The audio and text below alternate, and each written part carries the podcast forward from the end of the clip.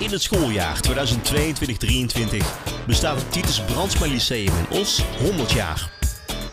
In deze 20-delige podcastserie wordt uitgebreid teruggeblikt op een eeuw.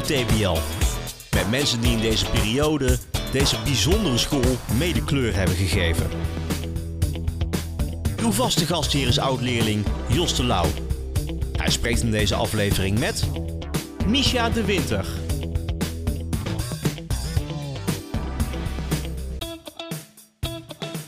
Nou, uh, hij is weer terug op het uh, Titus Brandsma Lyceum. Hoogleraar uh, pedagogiek. Hij publiceerde talloze boeken en artikelen over zijn vakgebied. Adviseert regelmatig de overheid over jeugd- en gezinsbeleid, opvoedingsvraagstukken. En is koninklijk onderscheiden met daarbij de betiteling een uitzonderlijk invloedrijk pedagoog. De jongere broer van televisieproducent Harry de Winter. We zitten aan tafel met Misha. Misha de Winter. heel fijn, Misha, dat je hier wilde aanschuiven en weer terug bent op je oude middelbare school uit de 60er jaren. Hoe voelt het om weer eh, hier door je oude school te lopen? Ja, dat, ik vind het zelf. Uh, het, het, het, is vreemd omdat het na zoveel jaren toch. Uh, er, gebeurt, er gebeurt iets met je als je, als je zo'n deur binnenloopt. Het is natuurlijk heel lang geleden. Uh, maar het heeft toch iets van. Uh, goh, ik ben weer een soort van thuis. Hè? Het, gebouw is veranderd, de mensen zijn veranderd, de kinderen zijn ontzettend jong. dat is altijd zo natuurlijk. Um, maar ik herken dingen. We liepen net door een oud trappenhuis, een stukje van het oude gebouw. En uh, ik krijg onmiddellijk dat gevoel van terug in de tijd. En ja. uh, dit is een deel van mij. Nou was het uh, vrij rustig. De, de, grote pauze was net geweest. Maar je komt wel op meer scholen, denk ik. Of kwam in ieder geval op heel veel uh, scholen. Uh, kijk je dan ook door de ogen uh, van de pedagoog als je daar rondwandelt? nee, daar heb ik de tijd nog niet voor gehad. Nee, nee ik denk meer van, goh, bedoel, wat fantastisch eigenlijk dat dat gewoon altijd... Nou, dat is Volkel met oefeningen die ook hier voorbij komen. Straaljagertje voorbij. ja. Uh, nee, ik denk meer van, uh, goh, wat leuk, uh, dat gaat gewoon alsmaar door. En die school die verandert mee. Die, die jongeren zien er natuurlijk anders uit dan wij vroeger. Hè? Andere ja. kleren, andere haren. Maar, maar het blijven jonge mensen die gewoon iets van hun leven aan het maken zijn. Ja. En dat, is, ja, dat stemt mij altijd vrolijk. Ja. Ik vind het ontzettend leuk om op scholen rond te lopen. De sfeer is altijd uh, blij opgetogen vaak. Hè? Als je door uh, een school loopt met alleen... Uh, ja. jongere pubers en dergelijke. Ja. Dus, ja, Niet iedere puber is natuurlijk altijd blij. Nee. Dat, is ook een hoop, dat weten we ook allemaal. Um, maar uh, nee, het ziet, er, het ziet er gewoon prachtig ja, uit. En, uh, ja. Het begon allemaal aan de vijversingel uh, voor jullie in Os. Um, kun je je gezin even beschrijven? Ja, um, nou ja, vader en een moeder en twee jongens. maar er is natuurlijk een heel verhaal te vertellen over, want het was, ja, bedoel, geen één gezin is gewoon, dat weet ik. Uh, en ons gezin was, uh, was, in, was ook een gewoon, was een gewoon gezin aan de ene kant. Uh, omdat er gewoon dezelfde dingen gebeurden als in veel andere families. Ik bedoel, opgroeiende kinderen, harmonie en botsing. Hè, er gebeurde van alles. Maar ja, ons gezin was, was in ieder geval voor ons was bijzonder omdat er een enorme geschiedenis aan vasthing. Um, dus ik, ik kom uit een Joodse familie niet religieus, maar wel, wel uh, een Joodse familie. Uh, ja, en die familie die was enorm getekend natuurlijk door wat er in de Tweede Wereldoorlog is gebeurd. Mijn vader die, uh, die is zijn eerste vrouw verloren en zijn eerste kind ehm, in, in Auschwitz. En mijn moeder die was verloofd, dus die had ook een andere partner. en die partner is ook niet meer teruggekomen, die is ook vermoord. Uh, dus mijn vader en moeder die hebben elkaar na de oorlog gevonden, zou ik maar zeggen. Ja, dat is een beetje cynisch, maar als die Tweede Wereldoorlog er niet was geweest, dan was ik er ook niet geweest, want dan hadden onze ouders elkaar niet ontmoet. Um, maar het was wel zo dat die, uh, nou ja, er waren twee kanten, zal ik maar even zeggen, om het kort te beschrijven. Uh, aan de ene kant deden onze ouders heel erg hun best om ons niet te laten, gebukt te laten gaan onder die enorme geschiedenislast die zij uh, met elkaar hadden en met die hele familie. Dus ze probeerden ons een zo gewoon mogelijke jeugd, een zo gewoon mogelijk gezin uh, te laten zijn. Aan de andere kant was die geschiedenis natuurlijk heel prominent aanwezig. Uh, er waren gewoon heel veel familieleden die waren er niet meer. Daar werd wel eens over gesproken. En ja, mijn vader vertelde eigenlijk nooit iets over, over, die, wat er gebeurd was. Maar hij had het af en toe wel over, ja, dat was in het kamp. We wisten eigenlijk nauwelijks, zeker toen we jong waren, wat er daarmee bedoeld werd. Maar dat was natuurlijk het concentratiekamp. Ja. Maar, dus aan de ene kant zo gewoon mogelijk. Aan de andere kant was die geschiedenis die was ook altijd zichtbaar en voelbaar uh, aanwezig. Werd er veel over gesproken? Nee, juist niet. Hè. Dus uh, mijn vader die kon er eigenlijk bijna niet over spreken. Dat was gewoon te. Wij wilden natuurlijk wel erover praten, maar dat, kon hij gewoon heel moeilijk. Hè. Dus, dus, we wisten wel iets van de feitelijkheden, hè, waar hij geweest was.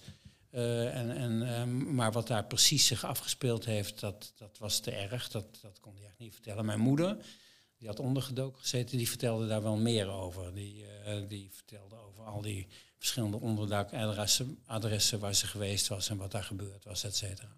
Hun verleden, kwam dat thuis in de opvoeding uh, ook nog terug? niet echt letterlijk, denk ik. Maar uh, ja, ik, ik denk zelf met terugwerkende kracht dat um, het feit dat wij, ik zal niet zeggen ambitieus waren, maar bedoel, er werd ons wel geleerd dat, je, dat, je, dat het belangrijk was om, om je te ontwikkelen, dat je het beste uit jezelf moest gaan halen. Uh, dat, werd heel, dat werd heel belangrijk gevonden. Niet, niet in de zin van prestatiegericht en dat je, dat je op je donder kreeg als het, uh, als het een keer niet ging. Want ik was helemaal niet zo'n briljante leerling bijvoorbeeld. Uh, dat niet, maar, maar het, op een of andere manier was het wel voelbaar dat, het, dat, dat je je best moest doen en dat dat belangrijk was voor. En, en achteraf heb ik, denk ik, dat dat natuurlijk toch iets met, met ja, overleven te maken heeft. Ja. Hè? Ik heb jouw afscheidsreden gevonden en daar uh, refereer je het slot heel erg aan. Hè? Ja. Daar komen we straks nog wel even op terug. Ja. Um, dan een Joods gezin aan de Vijversingel. Um, jullie gingen naar de Oranje Nassau School. Mm -hmm. Um, voelde je dat je, uh, merkten jullie dat jullie uh, niet katholiek waren in een, toch een redelijk katholiek bolwerk als Os? Ja, die Oranje Nassau school, dat was, uh, ik weet nooit precies hoe het zat. Ehm, dat, was een, dat, was een, dat was openbaar onderwijs, de enige school voor openbaar onderwijs. Maar het was tegelijkertijd ook de school waar de protestanten naartoe gingen. Dus het grappige was, uh, er werd natuurlijk, vroeger werd er altijd uh, op straat gescholden en geroepen. Um, en ik weet nog wel, als wij naar de school gingen, dat was bij mij overigens later school 4045, zo heette die. Dat was een openbaar onderwijs. Um, wij weer, als wij uitgescholden werden, dan, dan was het altijd voor protestantse apen. Ik kan het rijmpje ook nog als je dat ja? wilt horen. Nou, Protestantse apen liggen in bed te gapen, geloven niet in de goede God, alleen maar in de pispot. Oké, okay, ja. Dat, uh, dat werd op straat geroepen. En dan riepen wij natuurlijk altijd terug, katholieke apen liggen. Nou ja, hetzelfde. Ja, ja, ja, hetzelfde rijmpje. Maar uh, ik heb zelf van, uh, ja, ja wij, waren, wij waren wel anders. We zaten op een andere school dan de kinderen in de buurt. Zeker als het over de, lagere school, het basisonderwijs ging. Uh, maar wij speelden op straat, hè, op het veldje voor de Vijversingen, altijd met, uh, met, uh, met de buurjongetjes en voetbalden daarmee. En daar was nooit sprake van enig... Daar merk je niks van eigenlijk dan? Nee. nee. nee, nee Ik heb ergens gelezen dat je met je broer Harry nog poppenkast speelde. Uh, Jan Klaassen en Katrijn. En er kwam de buurt bij kijken. Uh, ja, ja ik weet niet of het de handelsgeest van mijn broer was of, uh, of van mij. Maar we hadden, hadden een poppenkast, een houten ding met, met een paar poppen. En op een gegeven moment hadden we bedacht dat, we, dat we ook voorstellingen konden geven voor ons huis in het, in het poortje. Ehm, en ehm, nou ja, dan gingen we, ik herinner me dat we, dat we briefjes gingen uitdelen. Moet ik, ja? We gingen briefjes uitdelen die, die we zelf schreven met een pennetje op een papiertje. Uh, en die deelden we in de buurt uit. Om twee uur poppenkastvoorstelling, toegang 1 cent of zoiets dergelijks. Ja. Uh, en ik herinner me ook nog een keer dat... Uh, dat, ik weet niet meer waarom, maar op een gegeven moment ging het niet door. Harry die kon niet of die wilde niet. En toen moest ik allemaal briefjes in de buurt gaan uitdelen. Of uh, de poppenkastvoorstelling gaat helaas niet door wegens de ziekte van Harry. Dat is helemaal niet waar, maar eh, Nee, ja, hij wou niet. moest toch een geldige reden zijn, maar je had Ja. geen zin. Maar de ondernemende geest zat er bij Harry in elk geval al vroeg in. ja. Ja. Ehm, nou ja, wat je van je ouders meeneemt, daar komen we straks ook nog op terug.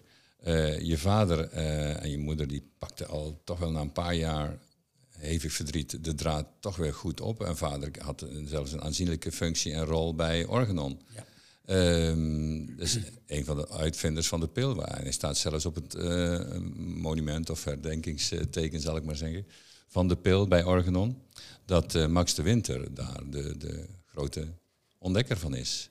Ehm, hij wist zich dus wel weer snel te herpakken na al het leed van de Tweede Wereldoorlog.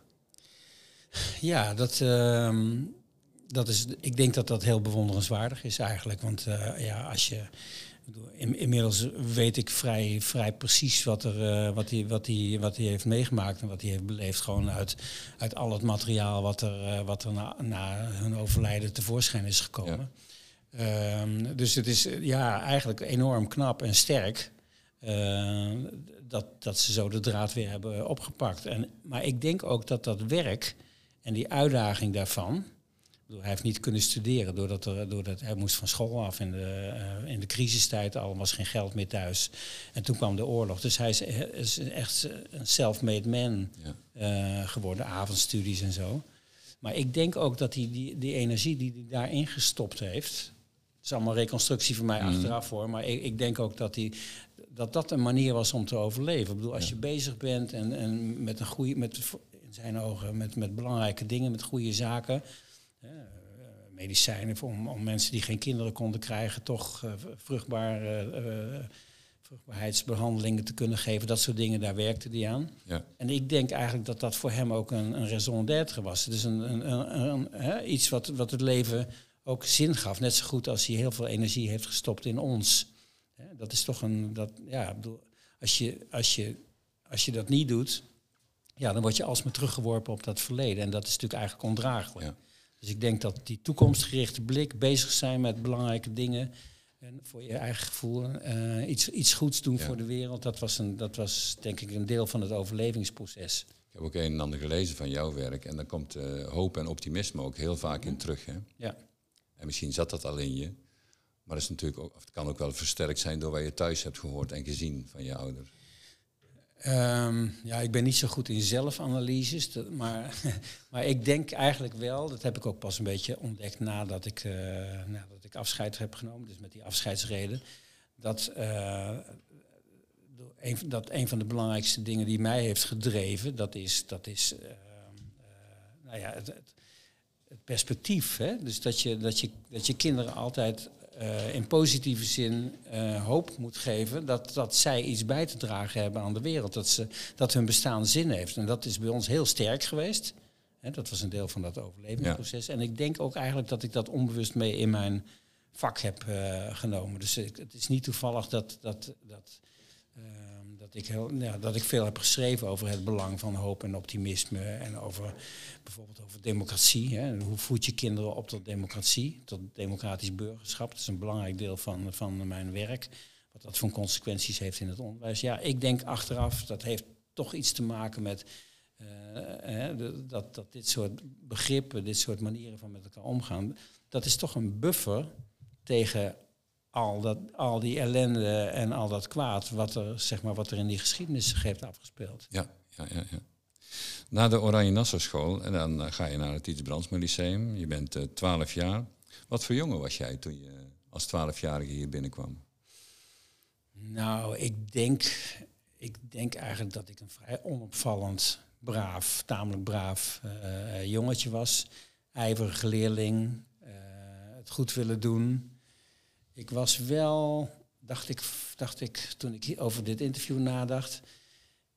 Ik herinner me wel dat ik ook in, ook in die begintijd al vrij vaak eh, de clown uit eh, heb gehangen.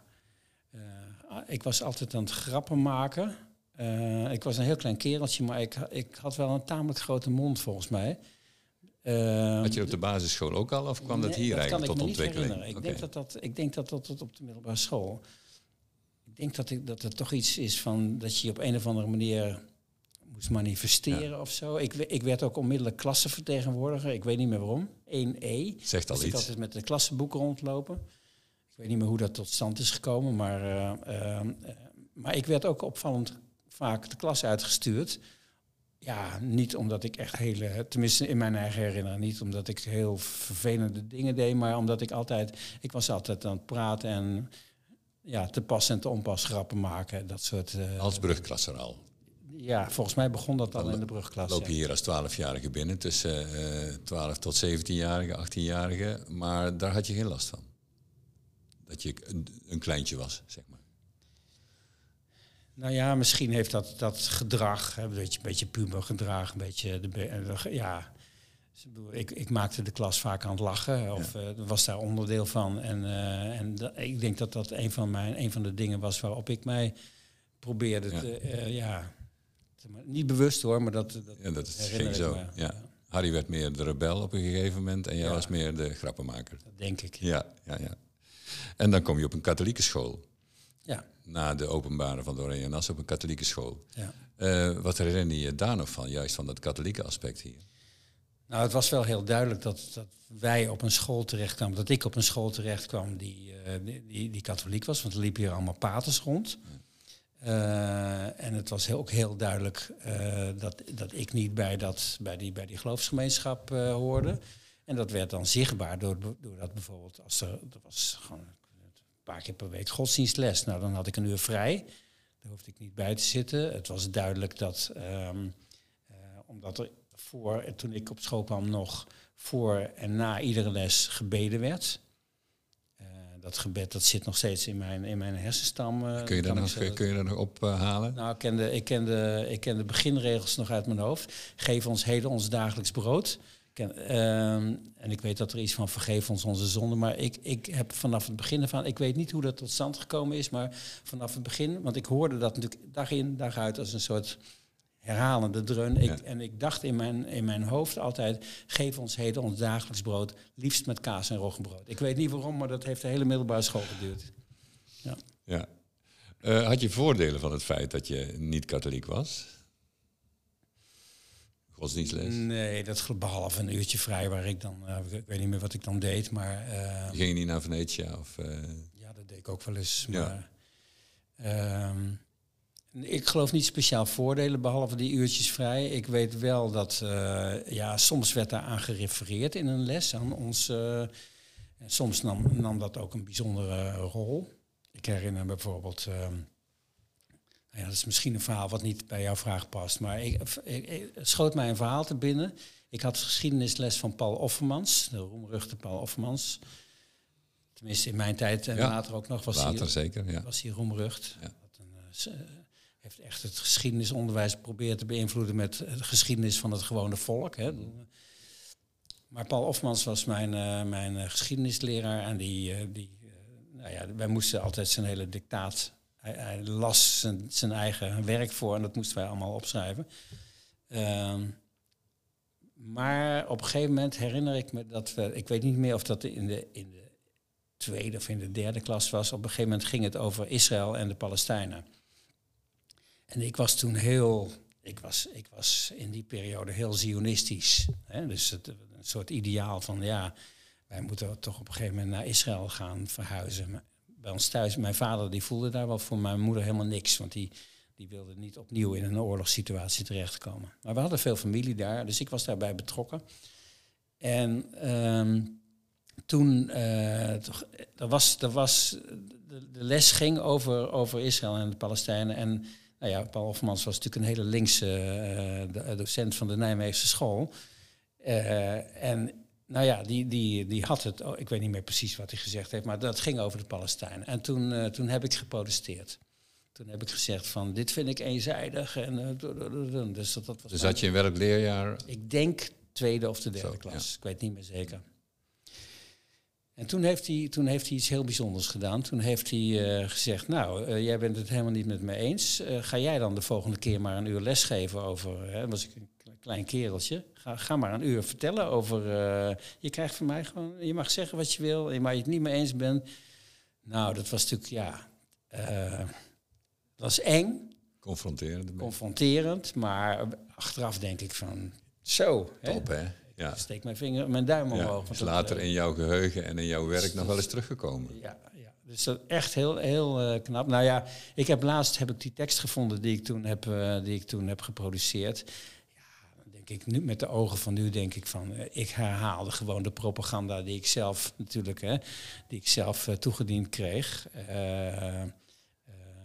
Over de geschiedenis, hoe dat allemaal was ontstaan en zo. En ik, ik denk nu, hè, bedoel, maar dat is inmiddels al 40 jaar later, 50 jaar later.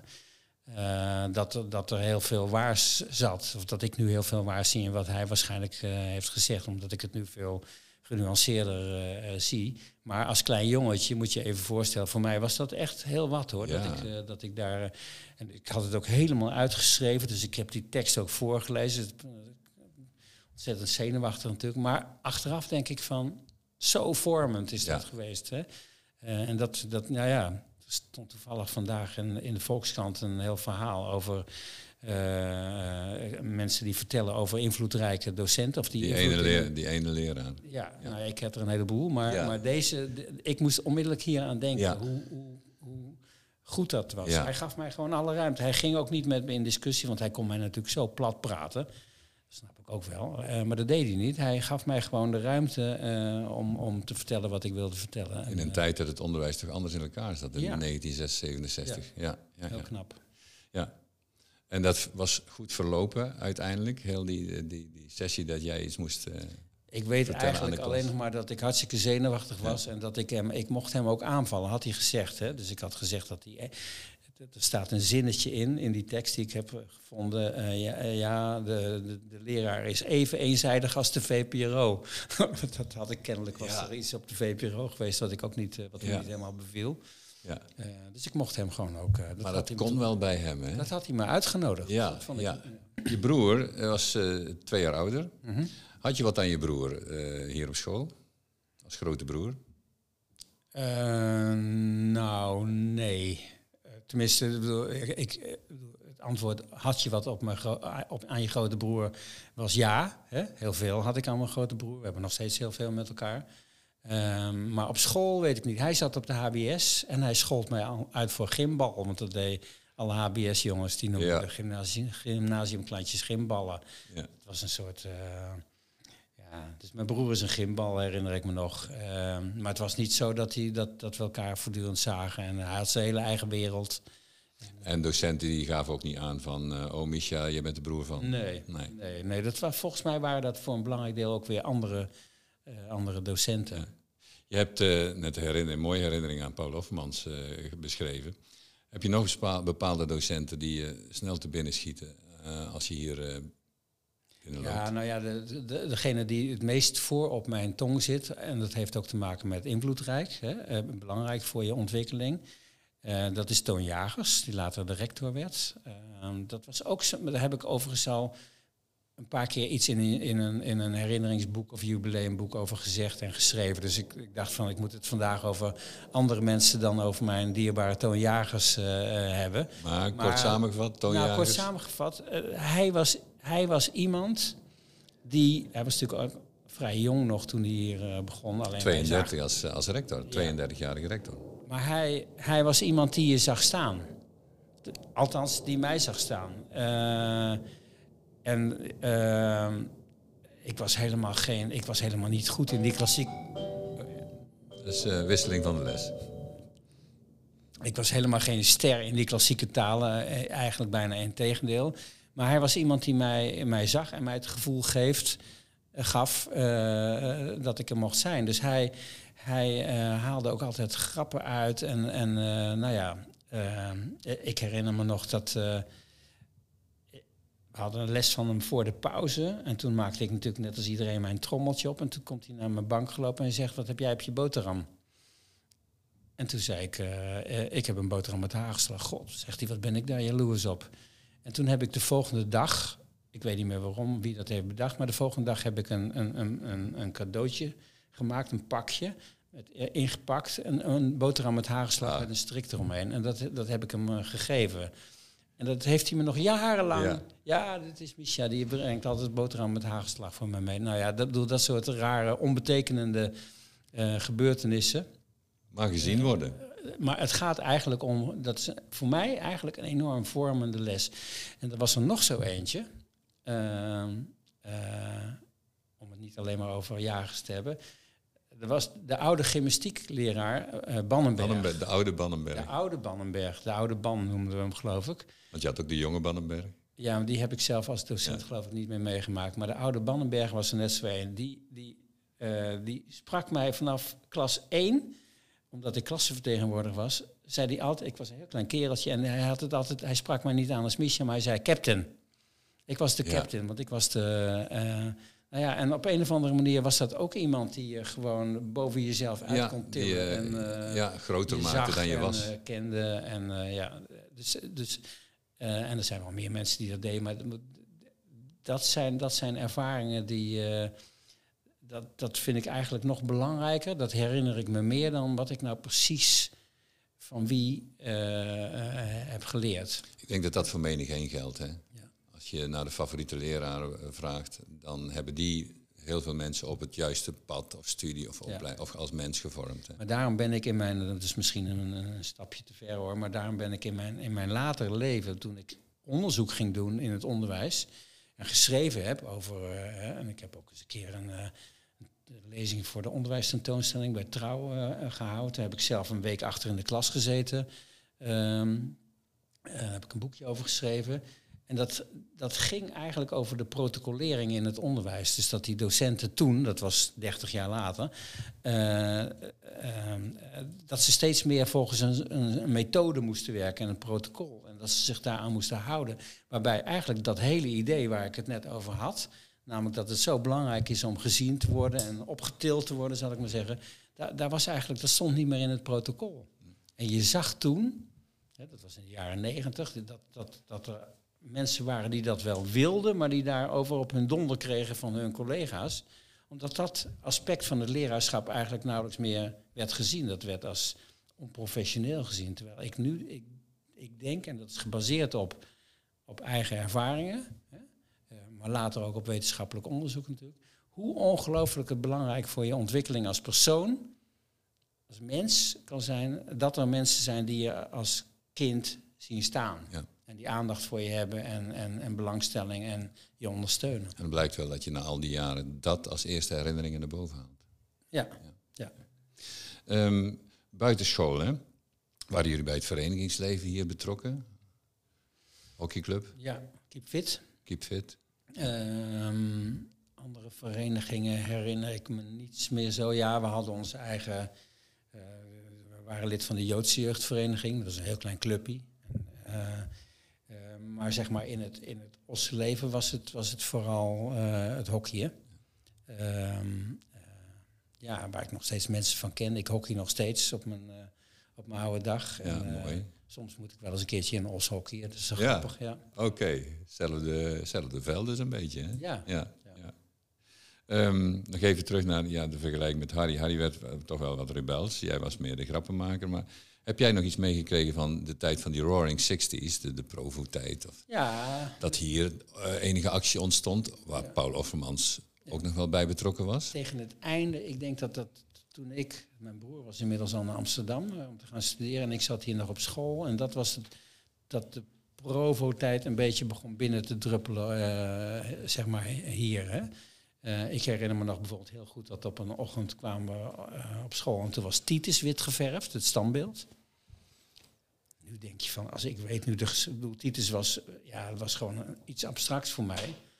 Een- beeld en de naamgever van de school, maar eh, ja, wij, wisten eigenlijk nauwelijks iets van. Maar nu ken ik de geschiedenis van Titus Brandsma zelf en eh, ja, heb, heb, ik weet wat voor een ontzettend heldhaftige, bijzondere man dat was. Dus echt waanzinnig om die man wit te schilderen als protest.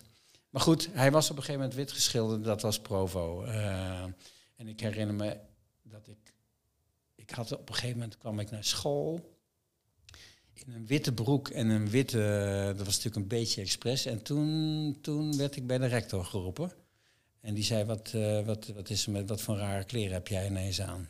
En toen heb ik net, net gedaan alsof het, nou ja, alsof het niks bijzonders was. Maar ik wilde me natuurlijk, niet helemaal, maar ik wilde me een beetje provo-achtig Iets laten voelen. zien, ja. Ja, ja, ja, ja. Beetje lange haren, eh, ja. ja. Eh, jij zat in eh, klas 5 gymnasium en toen eh, vond er hier een rectorwisseling plaats. Ja. Herinner je dat nog? Dat herinner ik me als de dag van gisteren. Dat is wel heel bijzonder, 68, want dat is lang geleden. Ehm, wat er gebeurde was dat wij allemaal midden in een les kwam er een kwam pathetieke door het intercomsysteem. En alle leerlingen moesten naar, de, naar, naar, de, naar het plein. Dus iedereen het was heel druk.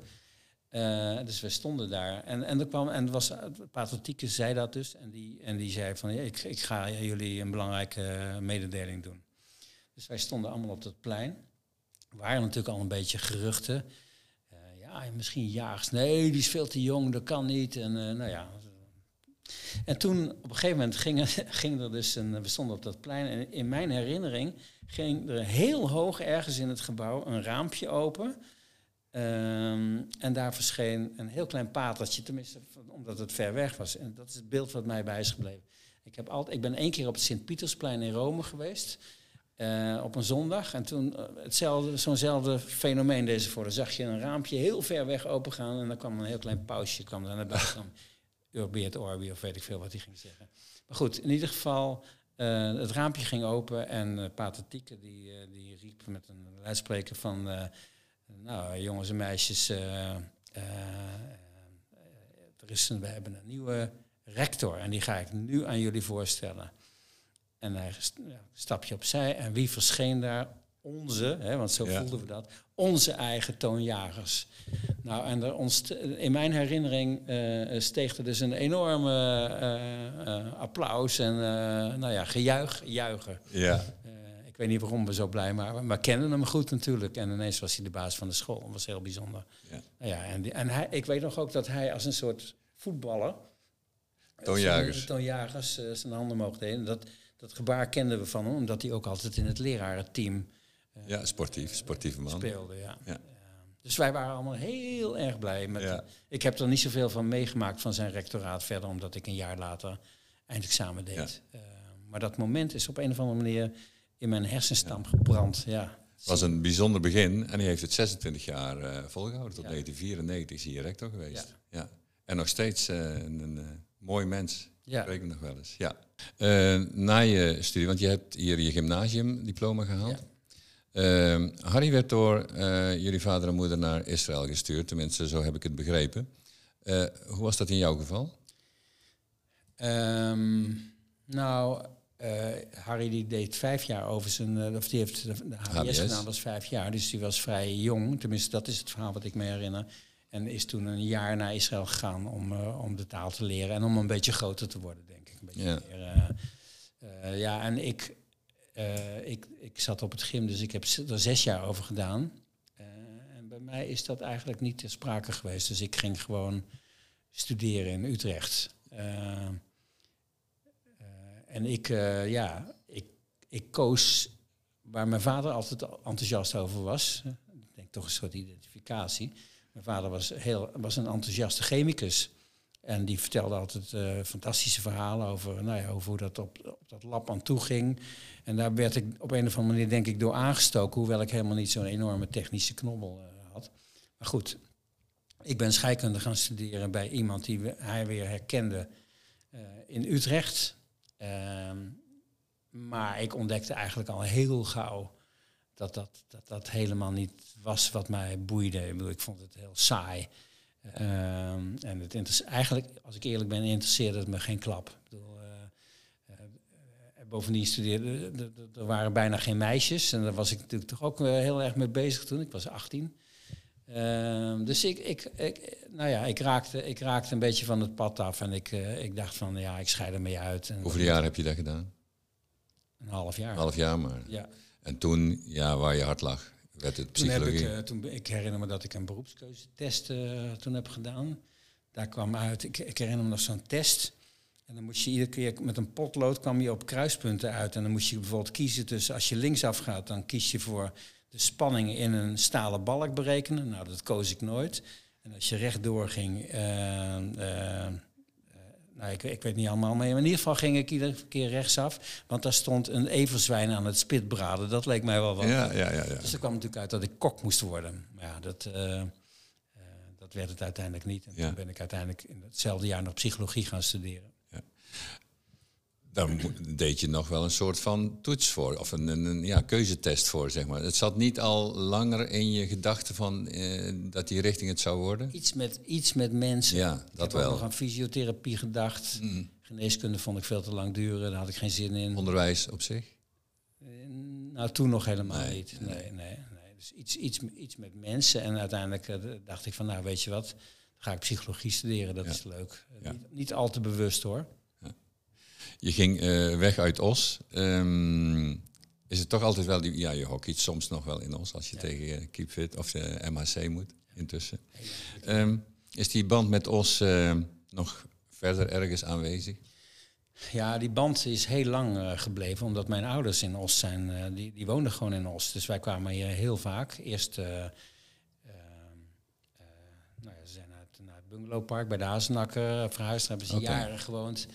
En daarna eh, zijn ze in een soort verzorging. Nou, nee, het was geen een soort, nou ja, hoe moet je dat noemen? Ze zijn in de Sibelius gaan wonen. Dat is een flat waar allemaal oudere mensen eh, wonen. Ja. En daar hebben ze, ze zijn allebei heel oud geworden. Eh, dus eigenlijk tot 2015, toen mijn moeder overleden is, dat is, die is als laatste overleden, ehm, eh, kwam ik hier heel vaak, iedere week. En op laatst zelfs twee keer per week, hè, toen ze echt verzorging nodig hadden. Ehm, nou ja, en nu, eh, ik ken natuurlijk nog een aantal mensen in Os. Ik ben betrokken geweest bij, ehm, omdat ik in, in, in de museumwereld een beetje terecht kwam. Ik ben nog betrokken geweest bij, toen het Jan Kuhne Museum gesloten dreigde te worden, ben ik nog in actie gekomen met, met een aantal mensen. Ehm, eh, en nu, eh, nou ja, er is, er is een mevrouw, een hele oude mevrouw inmiddels, die heel lang voor mijn moeder gewerkt heeft. Dus die bezoek ik af en toe nog. Ik ga nog naar de begraafplaats. Er is een Joodse begraafplaats in Os waar mijn ouders liggen. En ik had mijn moeder beloofd dat ik, die was altijd heel netjes en die hield van schoon. Dus ik heb haar beloofd dat ik, zolang ik dat kon, eh, dat ik eh, twee keer per jaar de grafsteen kon poetsen. Dus als ik straks hier geweest ben, Oké, er staat een jerrycan met warm water achter me in mijn auto met Ja. een borsteltje. Dan ga ik even, de, even de steen poetsen. mooi. Ja, heel mooi. Dat zijn zo mijn Ja. verbindingen nog met Ja. ons. Ehm, ja, na de studie psychologie eh, word je uiteindelijk de, de, hoogleraar pedago pedagogiek. Ehm, een van je mooiste quotes is, en dat is ook wel de bekendste misschien wel, It takes a village to raise a child. Ehm, dat er eh, meerdere manieren zijn om een kind tot eh, de goede, juiste hoogte te krijgen qua opvoeding. Ehm, als je terugkijkt naar die tijd van de 60er jaren, ehm, zijn we erop vooruit gegaan of juist niet? Ehm, ja, kijk, dat, dat- krijg je nou helemaal met wetenschappers. Die zijn, je krijgt altijd genuanceerde antwoorden. Hè? Dat vinden sommige mensen heel vervelend. Maar in zekere zin zijn we er natuurlijk ontzettend op, uit, op vooruit gegaan. Omdat eh, ehm, mensen die, die, ja, dat hele emancipatieproces, mensen hebben zich bevrijd van knellende banden. Dus ook in de jaren zestig was het voor, voor heel veel mensen nog zo dat. ehm, eh, dat je, dat, je, dat je je familie of je geloof bepaalde de levensweg die jij zou kiezen. Ehm, dus, dus dat was natuurlijk zeker met, met, met, met geloof eh, zo. En mensen hebben dat, ervoeren die banden natuurlijk soms ook als knellend. Dat gaf wel een veilig, ons kent ons gevoel erbij horen, dat is belangrijk. Maar tegelijkertijd was het voor sommige mensen ook een, echt, een, echt een corset. Eh, en dat hebben, dat, dat hebben de meeste mensen ook een beetje van zich afgeworpen en, en hun eigen levenspad kunnen kiezen. Dus dat is een enorme winst. Hè. Dan heb ik het nog niet eens over, over nou ja, de welvaartswinst. Ik bedoel, we zijn er allemaal eh, eh, toch wat rijker op geworden. Er kan veel meer dan. dus in die zin is er heel veel ook beter geworden, denk ik. Ehm, de andere kant van de medaille, dat refereert een beetje aan die village waar je het over had. overigens niet mijn quote, dat is een Afrikaans Ja. gezegde van oorsprong. Ehm, eh, maar wel een hele belangrijke, en ik heb het heel Ja. vaak gebruikt inderdaad, om aan te geven dat, ehm, dat, dat als je als kind opgroeit, dat, dat niet alleen maar je ouders, maar dat, dat dat ook de hele omgeving, van, waar ook de school toe behoort overigens, eh, van belang is om jou als kind eh, te vormen. Hè? Vandaar het idee, je hebt een hele gemeenschap nodig. Ehm, nou ja, daar is natuurlijk wel wat mee aan de hand. Daar is wel wat mee gebeurd. Want dat gemeenschappelijke in de opvoeding, hè, ouders hebben het tegenwoordig strijken zet over ja, maar mijn kind. Hè, dus, die kinderen zijn toch een beetje de prinsen en de prinsesjes geworden van hun ouders. Heeft met individualisering te maken. Uh, daar, zit, daar zit winst in. De andere kant is dat je hoort mensen steeds minder praten over ja, maar het zijn ook onze kinderen. Bijvoorbeeld in een straat of in een buurt of rond de school. Als ik op ouderavonden ben, hebben mensen het strijken zet over ja, maar mijn kind en er komt dan iets met ADHD of hoogsensitief of hoogbegaafd. Ja, stempel al snel. Uh, ja. En het gaat steeds minder over onze kinderen. En ik vind het belangrijk voor opvoeding en voor de ontwikkeling van kinderen. Uh, dat, dat juist dat gemeenschappelijk aspect. Voor kinderen is het ontzettend belangrijk om er in een gemeenschap toe te doen. Om erbij te horen. Hè? Om, uh, um, dus, dus dat gemeenschappelijke, dat je, dat je bijvoorbeeld, noem maar wat, dat je als ouders rond een school niet alleen maar uh, opkomt voor de belangen van je eigen kind, maar dat, dat, dat je ook met elkaar de belangen van, je, van onze kinderen ja. deelt. Geldt voor, dat geldt voor de school, dat geldt voor de buurt. Uh, uh, en dus die individualisering, die heeft natuurlijk die heeft positieve kanten. Maar daar is ook iets mee verloren gegaan. Hè? En eh, wat kinderen ook no heel hard nodig hebben in hun opvoeding en in hun ontwikkeling. Je bent daar heel veel mee bezig. Uh, word je ook gehoord? Word je voldoende gehoord? Um, of het voldoende is, weet ik niet. Maar ik, ik, ik moet eerlijk zeggen dat ik, dat ik niet. Wetenschappers op de universiteiten die klagen heel vaak hè, dat ze niet gewoon ja, mm. dat Calimero-effect, ja, maar niemand luistert naar ons. Ik heb daar eigenlijk weinig last van gehad in de loop van de jaren, omdat uh, op een of andere manier uh, de dingen die ik zei en die ik schreef, die daar heb ik zelf ook wel een beetje mijn best voor gedaan natuurlijk, maar die, die drongen ook wel door tot, ik noem maar wat, tot ministeries of tot gemeentehuizen. Of, uh, dus ik zeg niet dat ik, dat ik de wereld even heb veranderd. Ik heb wel, ik heb een boek geschreven, bijvoorbeeld tien jaar geleden, dat heette Verbeter de wereld, begin bij de opvoeding. En dat idee, hè, dus dat, dat opvoeding, dat je met opvoeding van kinderen, dat dat niet alleen maar iets wat achter de voordeur effect heeft, maar dat dat ook belangrijk is voor hoe wij als samenleving zich ontwikkelen. Dat, dat idee, dat, nou ja, dat is denk ik aardig voor het voetlicht uh, komen. Ik heb er in ieder geval honderden en honderden lezingen over gehouden. Ja. Er is heel veel mensen bereikt daarmee. En uh, nou ja. Daar voel je wel respons, of in ieder geval... Uh, ja, het ja. is natuurlijk nooit genoeg. Ik heb heel veel gedaan op het gebied van de jeugdzorg. Hm. Heel veel uh, commentaar daar ook uh, gezegd hoe dat in mijn ogen anders moet. Nou ja,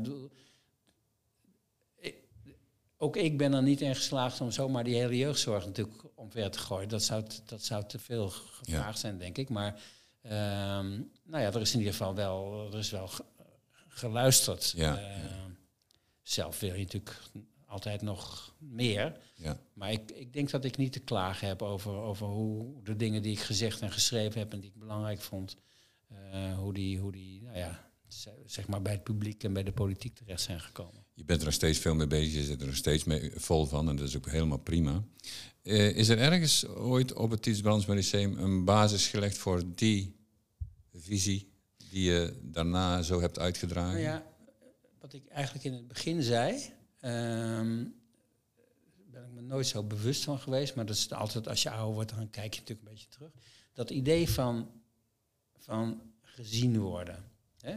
In een grotere, zo'n zo school was helemaal niet zo'n grote school, maar ik denk dat er zes of achthonderd kinderen rondliepen. Maar dat is voor, voor iemand die, voor een, een, een, een, jong, een jonge leerling, is dat natuurlijk toch wel een grote, intimiderende gemeenschap. En dan moet je toch je eigen plek in zien te vinden. Ja. Uh, en het is heel goed als je daarbij geholpen wordt en gezien wordt door de volwassenen die, zich, die, die dan met jou bezig zijn. En dat is hier gebeurd. Met mij in ieder geval. Hè. Dus Onder andere die boterham met hagelslag, die les ja, bij Paul zijn, Offermans. Er zijn, er zijn veel meer mensen hoor. Veel mensen, ik heb ook gedacht over. Ja, er was bijvoorbeeld een leraar Frans, meneer Veldhuis. Ik weet eigenlijk van die meneer helemaal niks. Behalve dat wij hem opa noemden. Die stond gewoon, de hele school noemde die man opa. En wat dat voor iemand was, weet ik niet. Maar het was wel iemand die met veel warmte en, en kende ook iedereen bij naam. En zo waren er veel meer eh, mensen die dat deden. En dus, dus je bent niet een nummer, je werd gezien, eh, ze wisten wat van je. Eh, en dat, dat idee, dat, dat helpt je identiteit. Ze zagen jou, ze zagen de leerlingen, maar ze lieten misschien ook iets van zichzelf zien. Ja, dat is een interessant punt. Ze lieten iets van zichzelf zien. Ehm, ik bijvoorbeeld, ik herinner me de, de, de, de biologieleraar, mijn naam ontschiet me even, een oudere meneer, die prachtig viool kon spelen. En die kon daar fantastisch over vertellen. Dat hoorde natuurlijk niet bij zijn biologieles. Later, ik vertelde straks over die trouwlezing die ik ooit gehouden heb, waardoor, waarvoor ik in de klasse ben gaan zitten. Zat ik op een school ergens in Nieuwegein en daar, was een, daar zat ik achter in de klas. Uh, dus ik, ik beschreef, ik probeerde het onderwijs vanuit de bril van leerlingen te beschrijven. Wat gebeurt er nou met een kind die een week in een klas zit? Wat ziet hij allemaal? Wat hoort hij allemaal? Toen had, was er dus een biologieleraar. Uh, en die, die, die, wil, die, was ook, die speelde ook prachtig viool. Uh, en die zegt op een gegeven moment van ja, ik zou nu eigenlijk iets over muziek willen vertellen. Maar ja, ik, word, ik krijg altijd op mijn kop van, van mijn collega's als ik me niet aan het tempo en het protocol hou. Dat vertelde hij me. Dus dat, uh, en terwijl ik denk, ja, voor kinderen is het juist ongelooflijk belangrijk dat je ziet wie die mensen zijn. En wat ze allemaal nog meer doen dan aardrijkskunde geven, bijvoorbeeld. En zeker voor uh, jonge leerlingen. Dat, dan kunnen ze ook een bepaald voorbeeld, voorbeeldrol inzien. Ja, nou ja, je ziet dat de veelzijdigheid van mensen, dat, dat, is, dat vind ik zelf een enorm belangrijk voorbeeld. Ja. Um, nou ja, de ideale school. Je hebt het ook over, of je hebt het ook over kindcentra en, en ja, de burgermaatschappij, waar hadden we het net al over, die de kinderen opvoedt. Um, Zo'n school als deze, hè, heb, heb je daar nog een advies voor, uh, de kom, voor de komende jaren, zeg maar? En hoe het onderwijs met de jeugd van de toekomst moet plaatsvinden? Ja, ik ben niet zo erg van de, van de, van de methodieken en de, en de didactiek. Dat is een, dat is een, een ander chapitel. Dus ik ben, pedagoog, dus ik kijk ook vooral vanuit dat perspectief. Nou, dan denk ik, um, wat volgens mij hier behoorlijk goed is gelukt, zorg dat het geen fabrieken worden. Ik ben wel eens op een, op een mbo-school geweest, uh, een paar mbo-scholen waar 12.000 leerlingen zaten compleet met route, routes, uh, een receptie, uh, anoniem, hè, vol met protocollen. Dus die grootschaligheid en de, de, de, de, een beetje de vermarkting van het, van het onderwijs, die competitie tussen verschillende scholen, dat is mij vanuit pedagogisch oogpunt een doorn in het oog. Dat vind ik heel slecht voor uh, kinderen. Dus ik, de ideale school, als je mij dat vraagt, dat is een school die, die, waar kinderen gezien kunnen worden. Dat is het criterium. Ja wat mij betreft. Dus dat betekent dat, dat je geen scholen van groter dan duizend leerlingen uh, moet hebben als we het over het voortgezet onderwijs hebben. Uh, waarom? Niet omdat het vanuit efficiëntie-oogpunt of uh, marktwerking, nee. omdat de belangrijkste taak van een school is dat je een vormingsinstituut bent voor kinderen. Die een toekomst moeten opbouwen. En daar moet je dus, hè, dat, ik heb het nu een paar keer gezegd, daar moet je, daar moet je leren ontdekken wie je bent. En niet alleen maar wie jij als persoon bent, maar wie je bent in relatie tot anderen. En dat leer je binnen een, binnen een gemeenschap die overzichtelijk is. En daarom is het heel belangrijk vanuit dat perspectief dat een school gewoon ook op de menselijke maat uh, blijft houden. En volgens mij, als ik hier zo rondloop, dan, dan ja, dat voelt ook zo. Ja, ja, ja. Mooi om te horen, ja. Het gaat niet alleen om die scheikundige formules en die grammatica, maar om die zijn ook belangrijk. Natuurlijk gaat het daar ook uh, om. Alleen, ja, ik ben van, zeg maar, van de kennis die ik heb opgedaan. Daar ben ik natuurlijk heel veel details van kwijt. Maar wat ik bedoel, dat, dat horen we in. Bedoel, dat, dat, dat merk ik zelf ook in dit gesprek. Waar praat ik over? Over uh, hè, wie je zag staan. En wie, ja, hoe, hoe je werd bejegend. Dat zijn de dingen die, die invloedrijk zijn in je leven. Dat is de droom van elke pedagoog eigenlijk. Hoort in ieder geval de droom van elke pedagoog te zijn. Om zo te denken en zo te werken. Ja. Uh,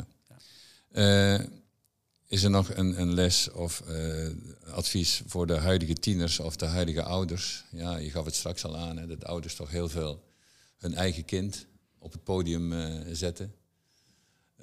ik begrijp dat dat wel wat minder zou mogen. Ja, nou, ik bedoel, dat podium dat is prima. En kinderen willen ook door hun ouders gezien worden. Alleen weer de volgende les. Mooi. De, de, de, tune is overigens wel erg veranderd. Ja, het is een hippe tune geworden. Ja, het is een hippe tune. Ja. Ehm, nou, eh, wat ik zelf belangrijk vind is dat het is een beetje tegenhanger tegen al dat individualiserende. Eh, om- omdat ik weet dat het voor, voor kinderen, ook voor, voor, voor leerlingen, is ook belangrijk om, om te ontdekken dat, wat je allemaal samen kunt doen. En dat je samen dingen kunt veranderen. Dat noem ik agency. Dat is een term Ja. uit mijn vakgebied. Ik heb bijvoorbeeld in de COVID-crisis, hè, die we achter de rug hebben, waar heel veel over de hoofden van die kinderen, lockdowns, hè, eh, eh, werd uitgestort. Heel veel van die maatregelen kwamen bij hen terecht. Ehm, eh, en tegelijkertijd liet mijn onderzoek zien dat ze nauwelijks mee konden praten of mee konden denken over wat er gebeurde. Bijvoorbeeld, ik heb met heel veel leerlingen gepraat die zeiden wij vinden dat die scholen open moeten. Maar dan eh, snappen wij ook wel dat het veel strenger, dat er veel strenger toezicht moet zijn op die anderhalve meter en op nou ja, al, die, al die beleidsmaatregelen. Dus, dus leerlingen zeiden, eh, die scholen moeten open, dat is het een van de belangrijkste dingen die er zijn. En dan maar veel strenger zijn. En daar willen ze zelf ook een rol in spelen. Dat noem ik agency. Dus, Ja. dus kinderen die zelf ook leren hè, eh, en, en kunnen oefenen en, eh, om hun omgeving beter te Ja. maken, zou ik zeggen. En dat is een beetje een tegenhanger van dat al dat individuele. eh, we hebben het ontzettend vaak over talentontwikkeling, hartstikke belangrijk, maar het sociale talent van kinderen moeten we ook ontwikkelen. Ja. Eh, en daar zijn scholen, eh, ja, die kunnen daar een hele belangrijke bijdrage in leveren door ook veel met kinderen te praten, eh, ze mee te laten denken over oplossingen, hoe een school beter kan rijlen en zeilen. Dat, dat zijn de dingen die, Ja. eh, die voor de toekomst, wat mij betreft, heel belangrijk En zijn. er past ook wel bij dat er, wat er ook gebeurt, de, de, de mensen, de tieners, de, de ouders, er iets van moeten maken, wat er ook gebeurt. Ja, en vooral met elkaar. Ja, Hè? Je kunt en dat, dat- niet alleen. Dan, dan de- doet me dit weer terugdenken aan eh je afscheidsreden. Toen je met emeritaat ging. eh, en het verhaal van de hutkoffer, waar je heel veel eh, herinneringen van je ouders eh, uit die ellendige periode vond. En dat je aangaf van, je moet er wel iets van maken. En dan haal je ook nog woorden van Eva Jinek aan. Verkwansel het niet. Ehm, is dat iets wat je nog vaak meegeeft? Ook uit je eigen ervaring? Van jullie moesten er wel iets van maken, want je ouders hadden het niet Nou, dat makkelijk is, gehad. dat, ik vertel graag als mensen dat willen weten, eh, hoe dat in onze eigen opvoeding een, een rol speelde. Eh, ik ben niet iemand, eh, bijvoorbeeld die tegen mijn eigen kle- kleinkinderen voortdurend loopt te roepen met het vingertje omhoog. Je moet er wel wat van maken hoor. Dat probeert ze overigens zelf heel goed hoor. Ja. Ehm, eh, dus niet op die manier. Het is niet een, ik, ik, ik, hou niet van dat moraliserende vingertje van eh verkwanschieten. Maar ik vind het wel, voor mij is dat een hele belangrijke levensles geweest. Dat je, je bent, eh, je, je, moet, je, moet het, je moet er zelf iets van maken, maar ook vooral eh, om, om samen met anderen in je eigen omgeving eh, dat te doen. En, en nou ja, ik bedoel, in, in mijn soort pedagogiek neemt dat gemeenschappelijke. Hè, kinderen leren om dingen met elkaar te doen, verantwoordelijkheid te nemen, bijvoorbeeld binnen een school. Dat neemt een hele belangrijke rol in. Een mooie wereld, Misha. Met jouw verhaal en ja, jouw boeken en jouw lezingen die je geeft. En eh, er is nog altijd eh, genoeg aan te doen eh, aan die, om die mooie wereld te creëren. Maar jij levert daar een hele mooie bijdrage aan, vind ik. Nou, dankjewel. De, de, de- wereld is natuurlijk niet alleen maar mooi. Er is heel veel te verbeteren. Maar dat is tegelijkertijd ook de kans die wij jongeren moeten geven. Ja. Leerlingen van nu. Om hun, op hun eigen manier, op hun eigen manier met elkaar dingen te verbeteren. Want er is heel veel te verbe- Ja. En die visie past inderdaad, dat heb je al wel gevoeld, heel goed bij deze school. Eh, ben ik nog iets vergeten te vragen, Misha? Wat je nog eh, mee zou willen geven? Nou, dat bedenk, bedenk ik ongetwijfeld op de weg terug. Ehm, maar nou ja, nee. Ik vond het hier. eh, ik heb, ik heb een, een hele fijne jeugd gehad met hele goede herinneringen hier op het TBL. Nou, dat is fijn om te horen. En ik vond het een heel fijn gesprek. En eh, heel erg bedankt daarvoor. Graag gedaan. Bedankt voor het luisteren naar deze podcast. Binnenkort verschijnt er weer een nieuwe aflevering. Houd daarvoor de socials van het TBL in de gaten. Delen van deze link onder uw social media contacten is fijn.